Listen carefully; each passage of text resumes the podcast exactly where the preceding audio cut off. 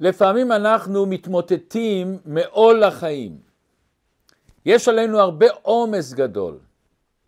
ולפעמים אנחנו לא רואים כל תועלת בכל העומס הזה. עסוקים בכל כך הרבה טרדות קטנות. והרבה פעמים אנחנו שואלים את עצמנו למה הקדוש ברוך הוא עושה לנו בני אדם בחיר הנבראים בעולם? למה הוא עושה לו כזה צורך להתמודד עם כל כך הרבה דברים בחיי היומיום?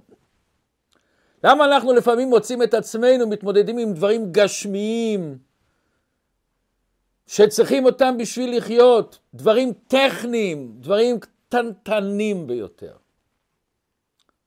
מישהו פעם אמר לי שיש כזה שיר, אילו הייתי ציפור. אז הרבה אנשים חושבים, ציפור אין לה את כל הבעיות הקטנות האלה. ועוד יותר, אם תכלית הבריאה שנעשה תורה ומצוות, אז למה הקדוש ברוך הוא לא סידר לנו את החיים, שיהיה לנו כל מה שאנחנו צריכים?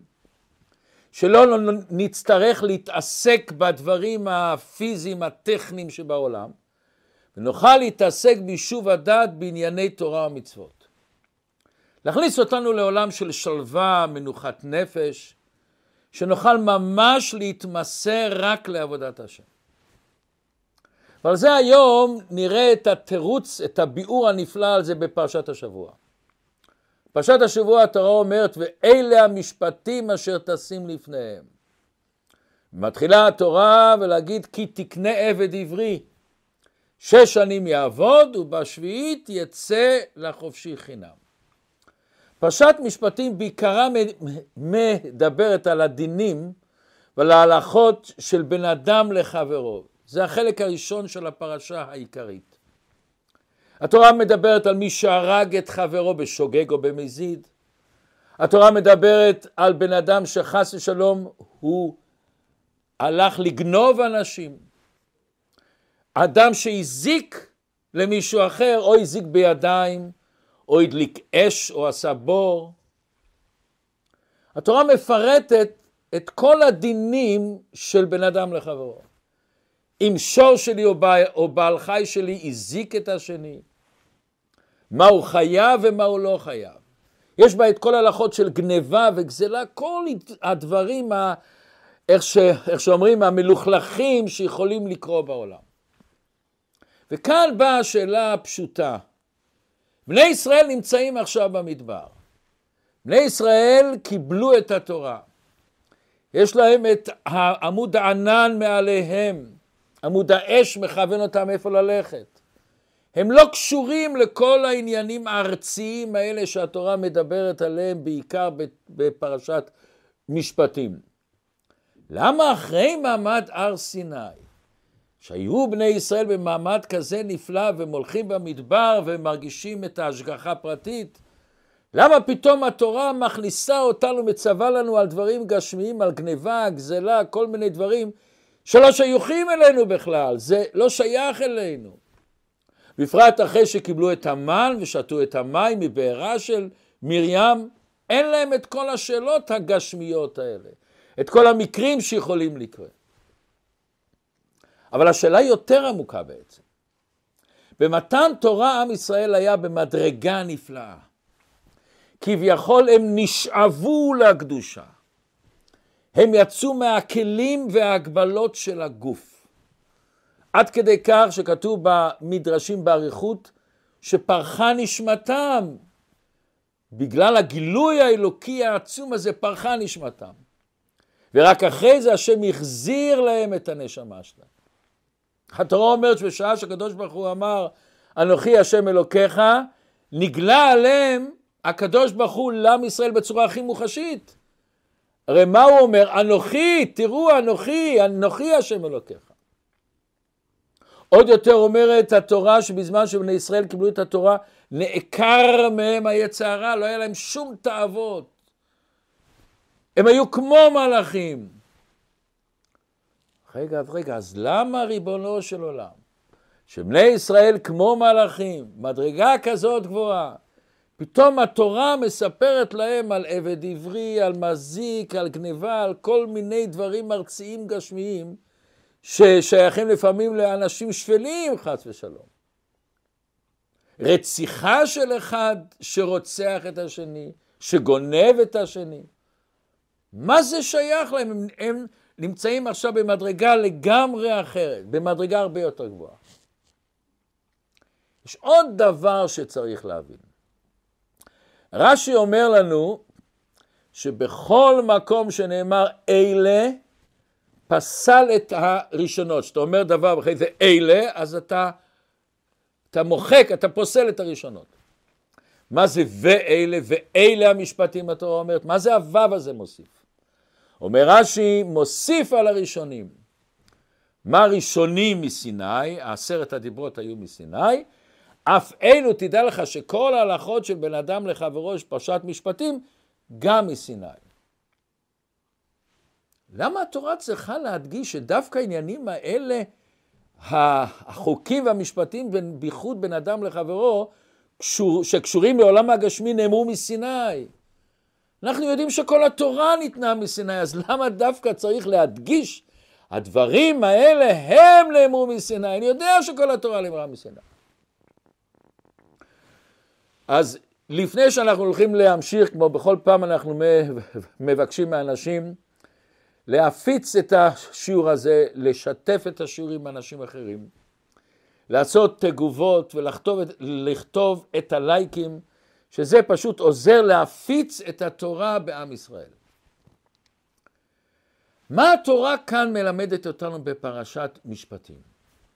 יסוד עצום שנוגע לכל אחד מאיתנו בחיי היומיום. יסוד שיכול לשנות לנו את כל המבט שלנו על החיים שלנו. להרים אותנו לגמרי. יש לנו את הפסוק המפורסם שכתוב בספר תהילים, שאומרים את זה בהלל, רם על כל גויים השם, על השמיים כבודו. מי כהשם אלוקינו, המקביל לשבת והמשפיל לי לראות בשמיים וארץ. מה העומק של הפסוק הזה? מוסבר בתורת החסידות דבר נפלא. רם על כל גויים השם על השמיים כבודו. אצל גויים שבדרך כלל שהוא מסתכל על הבורא, על הקדוש ברוך הוא, הוא מסתכל עליו שהקדוש ברוך הוא דבר רוחני אלוקי. הוא דבר מופשט, בלי גבולות, בלי סוף. ואיפה הוא נמצא? כמובן הוא נמצא למעלה למעלה בשמיים. השמיים מסמלים לנו תמיד את המצב המופשט, הבלתי מוגבל, שלא קשור לעולם הגשמי. לכן אומרים רם על כל גויים השם. הוא למעלה מהעמים על השמיים כבודו. אנחנו עם ישראל אומרים לא ככה. אנחנו אומרים שהקדוש ברוך הוא נמצא בכל מקום. אין לו הגבלות בשום תחום שהוא. הוא נמצא גם בעולמות רוחניים בשמיים וגם בעולמות הגשמיים והנידחים ביותר שבעולם. השם נמצא בכל מקום ומקום. וזה אומר הפסוק, מי כשם אלוקינו המקביל לשבת אבל המשפיל לי לראות בשמיים ובארץ, הוא גם שולט בשמיים ובארץ. הוא גם נמצא בעולם הגשמי. עכשיו נמצא גם במקומות הכי שפלים, הכי שחורים. בגיהינום הכי גדול, גם שם הוא נמצא. מה לנו יותר הפסוק הזה שיש עליו ניגון חסידי, חבדי, עמוק מאוד, שדוד המלך אומר, אם אשק שמיים, כשאני אעלה למעלה למעלה למעלה, שם אתה. ואציע שאול, אני יורד למטה לעולם הגשמי. וואו וואו וואו, הנה אתה שוב פעם אותו דבר. אתה שוב פעם נמצא פה בכל מקום. יש uh, סיפור יפה, מישהו בא לרבה מקוצק, אומר לו, שהוא היה ילד קטן, אומר לו, אני אתן לך רובל, בתנאי שתראה לי איפה נמצא הקדוש ברוך הוא? אומר לו הילד הקטן, שאחרי זה נהיה הקוצקי רבה, אני אתן לך עשר רובל אם תיתן לי מקום אחד שלא נמצא. וזה אחד ההבדלים הגדולים להבדיל בין כל הדתות ליהדות. כל הדתות, התכלית שלהם והעבודה שלהם היא לברוח מן העולם, לצאת מן העולם. מישהו שרוצה להיות קשור לקדוש ברוך הוא שלהם, להיכנס לשמיים לרוחניות. בכל הדתות זה לזכות לעולם הבא, לזכות שהאגו שלי, המציאות שלי תהיה יותר גדולה. לכן להבדיל אצל הנוצרים, כומר שהוא צריך להתקרב לקדוש ברוך הוא, אסור לו להתחתן. מכיוון שכומר צריך להתנתק מן העולם הזה. יש כזאת כת השתקנים בכלל. הוא בעצם לא קשור לעולם הזה. אותו דבר ככה אצל ההודים, מדיטציה לצאת מן העולם. החמאס יימח שמם וזכרם, כל החיים שלהם להיות שהיד. אמא אומרת, יש לי שבע יל, ילדים, מה אני רוצה בשבילם? שכולם יהיו שהידים, השם ישמור. ועל דרך זה בכל הדתות. בכל מקום, מקום העניין הוא לצאת מן העולם.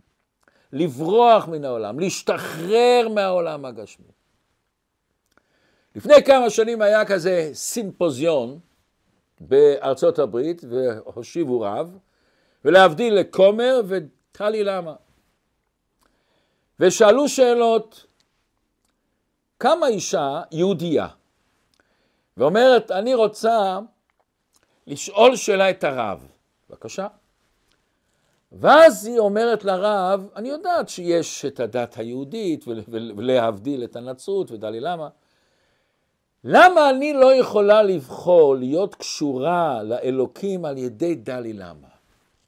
יש לך להגיד עליו משהו לא טוב על דלי למה? יש לך להגיד עליו משהו שלילי על דלי למה? למה לא להיות בשיטה של דלי למה?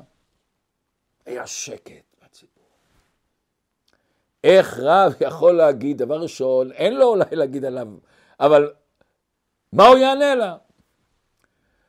אז אומר אותו רב, אני אגיד לך, אצלנו אומרים שהבן אדם שהכי מכיר טוב את מי שעומד מולו, זה אישה מכירה את בעלה. היא מכירה הכי טוב. אז אני חושב שנקרא לה אישה של טלי למה, ונשאל אותה מה היא אומרת. מצוין, וכל הקהל צוחק. והמנחה אומר, רביי, אתה לא יודע שלדלי למה אין אישה? אומר, אה, אומר דלי למה. אצלנו ביהדות, אם אתה רוצה להתקרב לקדוש ברוך הוא, אתה צריך לדעת איך לחיות עם מישהו אחר. הבעל צריך לדעת איך לחיות עם אשתו. יש אנשים שבבית יש להם המון פרחים. הפרחים לא נותנים להם אף פעם ביקורת, הפרחים לא עושים להם בעיות, אין להם סכסוכים עם הפרחים. יש אנשים שמגדלים כלבים או חתולים, זה קל לחיות איתם, קל לחיות איתם. אומר הקדוש ברוך הוא, אתה רוצה להוריד שכינה בעולם הזה, אתה צריך לדעת לחיות עם אישה, לחיות עם מישהו אחר. כולם מחאו לו כפיים. יהדות היא לא בריחה מן החיים. יהדות זה תורת חיים, זה אורך חיים, זה חיים אחרים. חיים אחרים בעולם הגשמי, זה התכלית שלנו.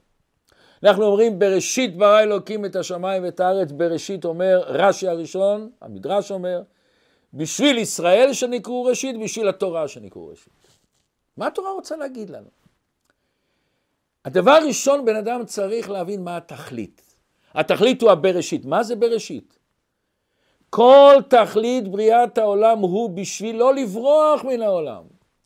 בשביל שישראל יחדירו את התורה בעולם. שגם תגלה בעולם הגשמי אלוקות. שגם תגלה לא רק להוריד את השמיים לארץ, תגלה את השמיים שבתוך הארץ. תוריד את הבלי גבול לגבול, ואז הבלי גבול הוא אמיתי. ולכן להבדיל מהנצרות, ביהדות יש עניין גדול מאוד להתחתן. דבר ראשון שהקדוש ברוך הוא אומר לאדם הראשון, שיתחתן, פרו ורבו. עוד יותר, כהן גדול, שצריך להיכנס לקודש הקודשים ביום כיפור, לבקש סליחה ומחילה על כל עם ישראל. אותו כהן גדול צריך להיות נשוי. ואם הכהן הגדול לא נשוי, הוא לא יכול להיכנס לקודש הקודשים. מה זאת אומרת? כל הקהל מחכה לך, מחכה שתיכנס לכפר לעם ישראל על כל העוונות. אבל אם חס ושלום אשתו נפטרה בדיוק לפני זה, הוא לא יכול. למה? תכלית הבריאה הוא להוריד שמיים וארץ. אתה רוצה להיות כהן גדול? אה, אתה צריך לחיות עם אישה. לגדל ילדים, לחיות בעולם הזה, להמשיך קדושה בעולם הזה. אומרת הגמרא במסכת עבודה זרה, דף י"ח, שרבי חנינא בן טרדיון היה מקהיל קהילות ברבים ולימד אותם תורה בזמן שהייתה גזירת שמד, שמי שמלמד תורה, אחת דתו השלום למות. והוא תפסו אותו. ונגמר דינו, פסקו את דינו לשרפה עם ספר התורה. ואז בשיחה שואל רבי יוסי בן קיסמא, הוא שואל, מה אני לחיי העולם הבא? מה אתה אומר, אני אזכה לחיים הבא או לא? אומר לו, כלום מעשה בא לידך? איזה דבר עשית משהו גדול? אז מה הוא אומר לו? תשמעו את התשובה שלו. הוא אומר לו, פעם אחת היה לי מעות של פורים, של סעודת פורים שהכנתי לעצמי, ונתחלפו לי במעות של צדקה. ולא ידעתי מה לעשות. החלטתי שאני מחלק את כל הכסף לצדקה. כל המפרשים שואלים שאלה עצומה. הוא שואל אותו, כלום מעשה בא לידך. מה זאת אומרת? הוא הולך למות על מסירות נפש. הוא הולך למות בגלל שהוא לימד יהודים תורה, ואז היה גזירה שאסור. ולא רק זה, הזהירו אותו, לפני זה אותם הרבנים הזהירו אותו, תדע לך, אם יתפסו אותך, יהרגו אותך, הוא אומר, אני צריך לעשות את זה. אז מה זה, איזה מעשה עשית? יש לנו מעשה יותר גדול ממסירות נפש, ללמד תורה ברבים? ועוד יותר, רבי יוסי בן קיסמא, מה הוא עונה לו? אם ככה, אם זה שיש לך את המעשה הזה, שזכית לעולם הבא בגלל שהתחלפו לך מעשות של צדקה ופורים, וחילקת את הכל לעניים, אם ככה מחלקך יהיה חלקי, ומגורלך יהיה גורלי. מה הוא התפעל כל כך? מה המעשה הגדול? יש לזה כמה וכמה הסברים נפלאים. אבל בואו נראה הסבר אחד, מה ששייך בשבילנו. ללכת למסירות נפש בשביל להפיץ תורה זה דבר גדול מאוד, דבר עצום.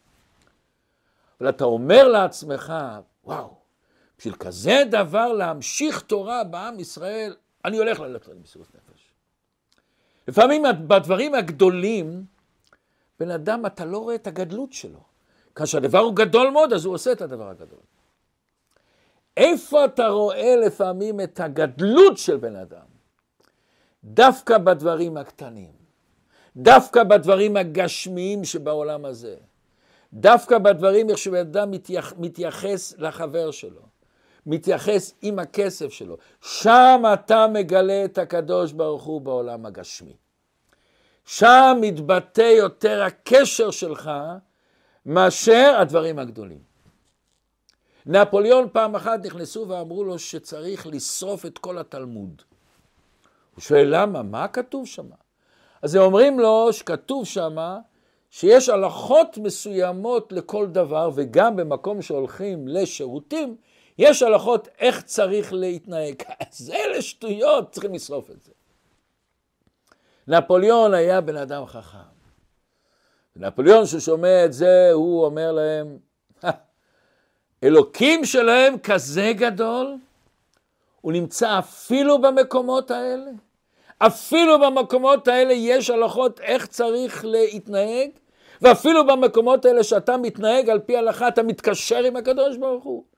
גם אתה מכניס קשר לקדוש ברוך הוא במקומות האלה, במקומות האלה שאצלנו נראים שפלים, נידחים, וואו, אלוקים שלהם כזה גדול אנחנו לא סופים. אני רוצה לשתף אתכם בסיפור חסידי, שהרבה סיפר אותו בהתרגשות רבה. אם אני לא טועה, זה היה בשנת תשכ"ב, אם אני לא טועה, אבל הרבי סיפר את זה בהתרגשות מאוד גדולה.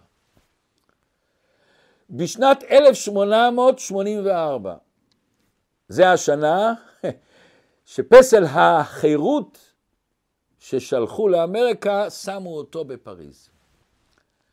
אבל באותו שנה, בשעת לילה מאוחרת, הרבי הרש"ב, הרבי החמישי לבית חב"ד, למד תורה עם החברותא שלו, עם הרב של פלטבה, הרב רבי ינקב מרדכי. המשפחה של הרב רש"ב התגוררה אז. בדירה קטנה, שתי, חדרי, שתי החדרים. חדר אחד השתמש לחדר שינה, וחדר השני היה החדר של הרבה.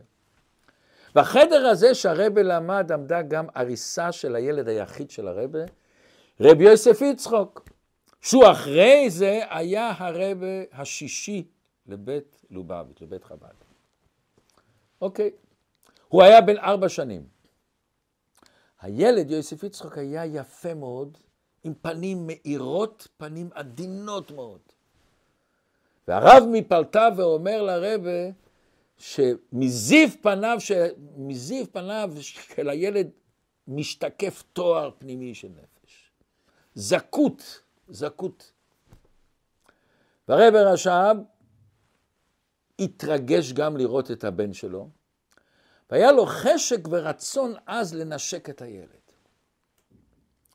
אבל באותו רגע הוא החליט לא לתת לו נשיקה. ובמקום זה הוא החליט לכוון את רגש האהבה החזק שלו, של לתת לו נשיקה, למשהו אחר. הוא התיישב וכתב מאמר חסידות עמוק מאוד, שמתחיל עם הפסוק בתהילים, מה רבו מעשיך השם, מאוד עמקו מחשבותיך. בשנת תרנ"ב, הרב הרש"ב נתן לבן שלו, את המאמר, הוא אמר לו, זו נשיקה חסידית, כך הוא קרא למאמר הזה, ובמשך הזמן אני אספר לך. בשנת תרנ"ו, כשהפרידיק רבי היה בן 16, אז הוא סיפר לו את כל המעשה. ואז הרבה פותח לו את המגירה ומראה לו את הכתב יד, ואומר לו, זה המאמר הזה, זה נקרא אצלי נשיקה חסידית. והוא מסביר לו את העניין. עכשיו בואו נראה מה בעצם הכוונה פה, מה בעצם ה... איך נבין את הסיפור הזה. למה הרבה ויתר על הרצון שלו לנשק את הילד בן ארבע, שנראה לו תמים, טהור? מה הבעיה? ואם הרבה רוצה לכתוב מאמר, שיכתוב את המאמר, מצוין, תיתן לו נשיקה ואחרי זה תכתוב את המאמר. למה לא לתת את הנשיקה ואחרי זה תכתוב את המאמר? כמה זמן הנשיקה? ש- ש- שלושה שניות? ארבע שניות? אז יש אנשים שחושבים שזה היה שליטה על רגשות, עצירה של רגשות, אבל זה לא נכון. אדרבה, מה שאנחנו רואים פה זה לא הדחקה של רגשות, אלא גילוי של רגשות עמוקות הרבה יותר בנפש האדם. אנו מגלים כאן רצון נפלא להפוך רגש רגעי, רגש זמני שחולף תוך כמה שניות, לדבר נצחי.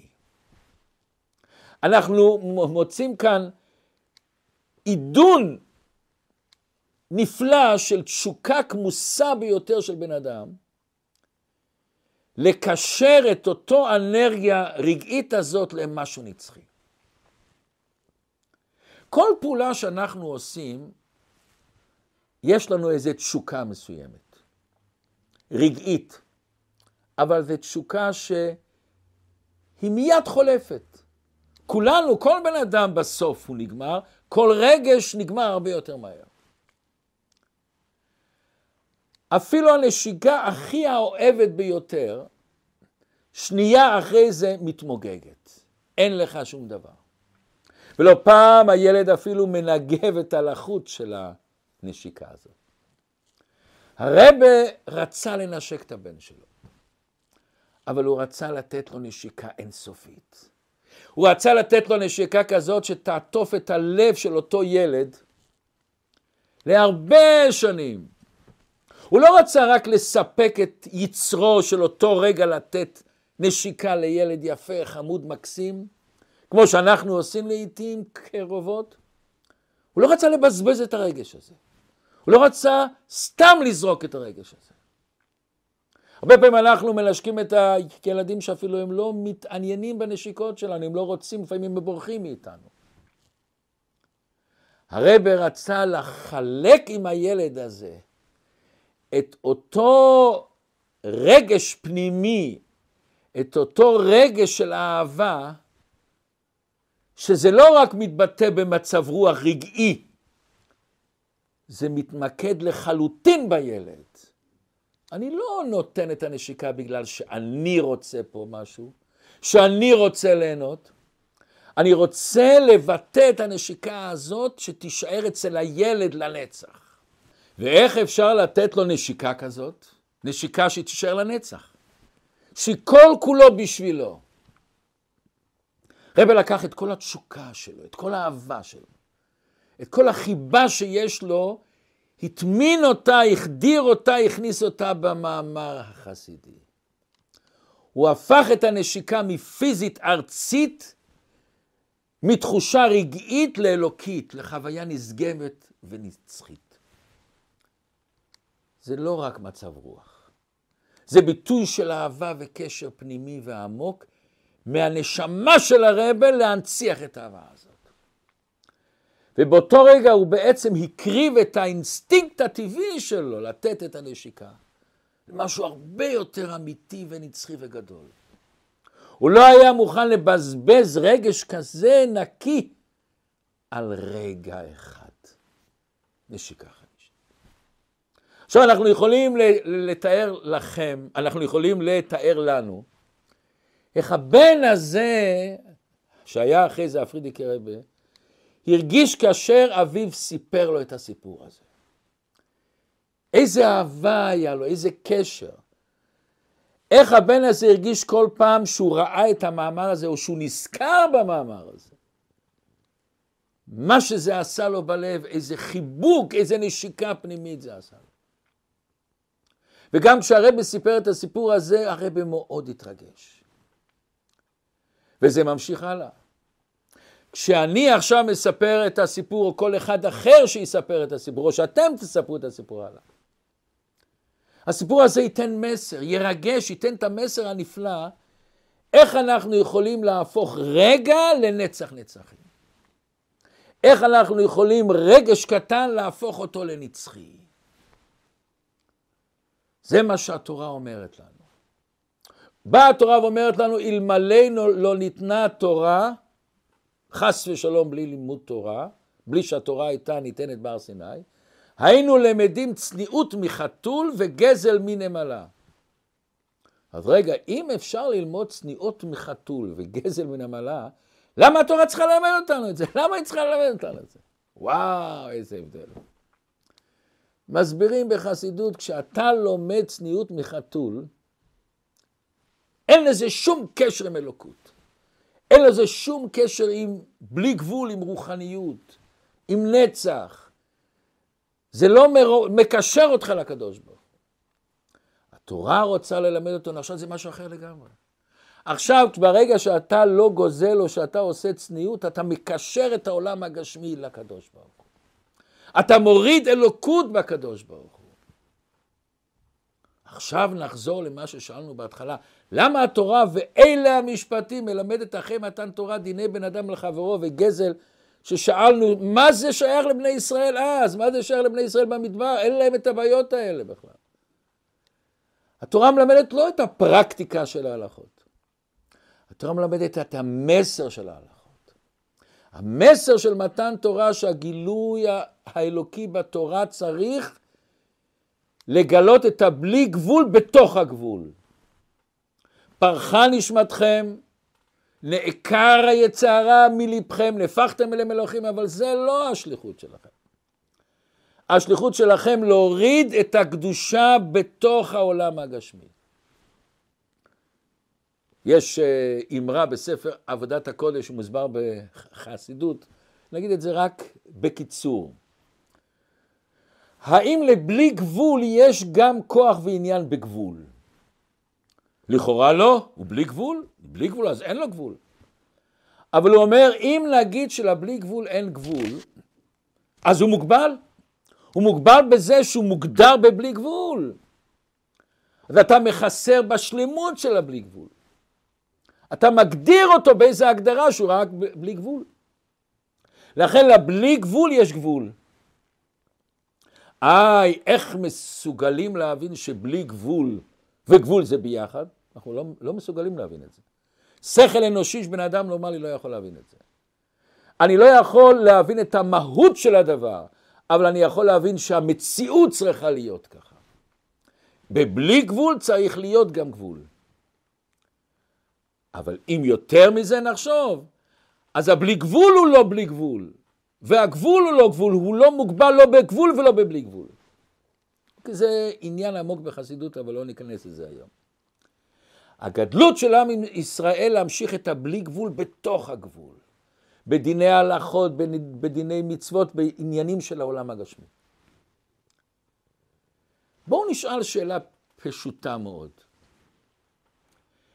אם היינו שואלים בן אדם ברחוב, מה אתה חושב הציווי בתורה, שהתורה אומרת שזה גופי תורה?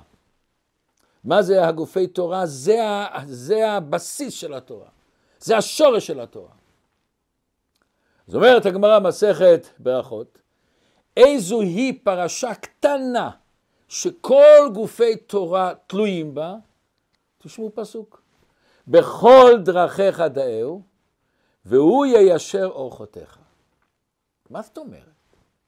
באה התורה ואומרת, בכל דרכיך, שאתה עושה חיים גשמיים, שאתה הולך לעבודה, שאתה הולך ברחוב, שאתה חי עם המשפחה שלך, שאתה הולך לאכול, בכל דרכיך היום-יומיים דאהו, תכניס את הקדוש ברוך הוא בפנים.